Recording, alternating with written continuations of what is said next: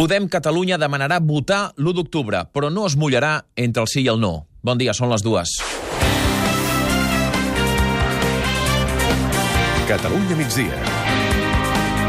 Amb Òscar Fernández.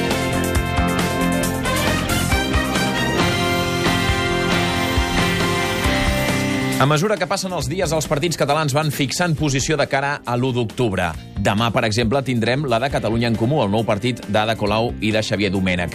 I no tots ho tenen fàcil a l'hora de posicionar-se. Que li demanin, si no, a Albano Dante Fachin.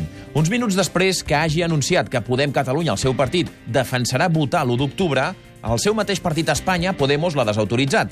Podem Catalunya creu que el referèndum serà una mobilització social legítima i farà campanya perquè tothom vagi a votar. Això sí, sense mullar-se entre el sí i el no. Paral·lelament, Podemos, per boca de Pablo Echenique, s'ha mostrat contrari a participar en la votació. Sentim primer Dante Fachin i després Echenique. Podem farà una campanya cridant al debat i a la participació, vetllant perquè tots els posicionaments democràtics siguin escoltats i s'enriqueixin en contingut y proposta, de forma transparent y pacífica. Yo no participaría si, si fuera catalán, que no lo soy. Yo no participaría porque, porque es, es una consulta sin garantías y, y eso significa que no, que no sirve para ejercer el derecho a decidir. De seguida escoltarem més explicacions dels uns i dels altres. A més, Eva Comte, bon dia. Hola, Òscar, bon dia. Altres coses, a partir d'avui ja es pot consultar al web de la Generalitat, gencat.cat, la llista dels més de 66.000 judicis franquistes que el Parlament va anul·lar la setmana passada. S'hi poden consultar el nom i els cognoms de les persones represaliades i s'hi detallen dades, com ara si se'ls va fer un Consell de Guerra o diligències prèvies, la data de la sentència i si se'ls va commutar la pena, es va demanar índol o se'ls va executar. De la informació internacional anirem fins a Hamburg, Alemanya. Avui s'hi fa allà la cimera dels líders del G20. Un dels assumptes que hi ha al damunt de la taula és com es pot combatre el tràfic d'immigrants. I sobre això el president del Consell Europeu, Donald Tusk, ha aprofitat per denunciar la hipocresia d'alguns països a l'hora d'abordar la crisi migratòria. Hem d'intentar convèncer els nostres socis perquè siguin més actius, més positius, menys cínics i més decidits pel que fa a la nostra lluita comuna contra els traficants i aquest negoci brut a Líbia. I mentre això es deia a dins de la trobada, a fora, ahir les protestes de milers de persones van acabar amb aldarulls, amb desenes de ferits i també desenes de detinguts. I ara, a Hamburg, Albert Calatrava, continuen les protestes? Allí, allí, Sí, coincidint amb l'inici d'aquest G20, diversos vehicles han aparegut cremats, també vehicles de la policia. Les forces de seguretat han fet servir canons d'aigua per dispersar els manifestants que volien bloquejar els accessos a la cimera. Per exemple, Melania Trump no ha pogut sortir de la seva residència. I tornant a casa nostra, us explicarem que el detingut per haver disparat ahir contra dos policies locals de Gavà és un veterinari, sense antecedents, que segons persones del seu entorn tenia diversos deutes pendents. Va tenir una clínica veterinària a Corbera de Llobregat. Anem cap allà. David Àngela, bon dia. Què més hem pogut saber del detingut? Doncs no té antecedents, però sí que té causes judicials pendents, bàsicament per deutes a diversos proveïdors i distribuïdors de productes i serveis veterinaris al seu sector professional. Gent del seu entorn el defineix com una persona estranya i inestable i, de fet, ens han assegurat que fins i tot va arribar a agredir un client de la seva clínica veterinària de Corbera de Llobregat.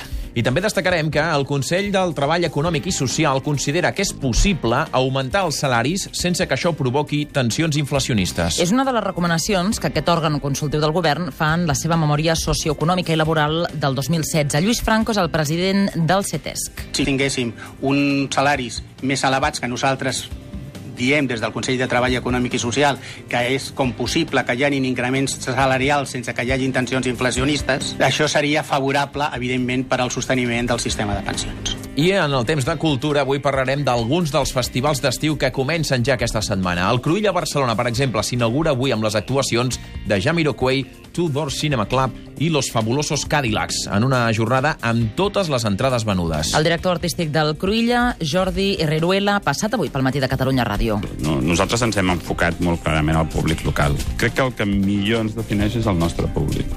I els nord-americans Wilco inauguraran aquest vespre el Festival de Cap Roig a Calella de Palafrugell, al Baix Empordà.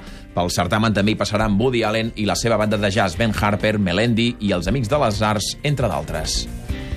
I quan passin 5 minuts de dos quarts serà el moment de les notícies pròximes. Comencem el repàs avui a Tarragona, Manel Sastre. El secretari de l'Ajuntament de Tarragona veu com una amenaça la carta que ha enviat l'Estat als funcionaris. L'Associació de Municipis per la Independència ha posat la resposta que ha enviat avui a Madrid aquest secretari com un model a seguir per la resta de municipis.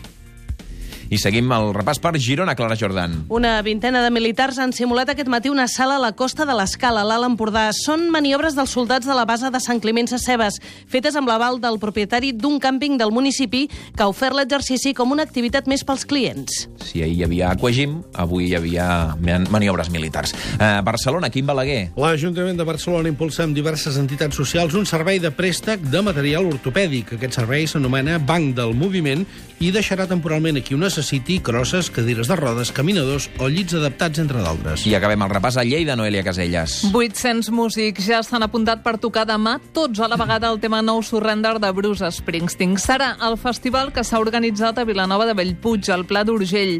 Els organitzadors no descarten arribar al miler de músics i, atenció, diuen que ho tenen tot a punt per si el boss hi aparegués per sorpresa.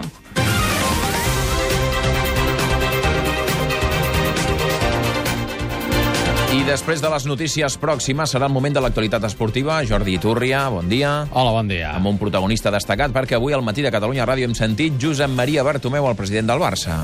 Ha parlat de tots els temes que envolten el club, com ara la renovació de Leo Messi. Ha dit que cobrarà com el que és, el millor jugador del món i que el seu contracte es va firmar a finals de juny. També assegura que ni Neymar ni Rafinha marxaran, que es fitxaran dos o tres jugadors, però que cap d'aquests serà probablement Marco Berratti, ja que el Paris Saint-Germain no el ven. I sobre la renovació d'Iniesta ha dit que està en mans del jugador. No ha fet autocrítica sobre les polèmiques del seient lliure i dels turoperadors i ha garantit que els aficionats poden estar tranquils sobre les converses telefòniques enregistrades amb Sandro Rossell.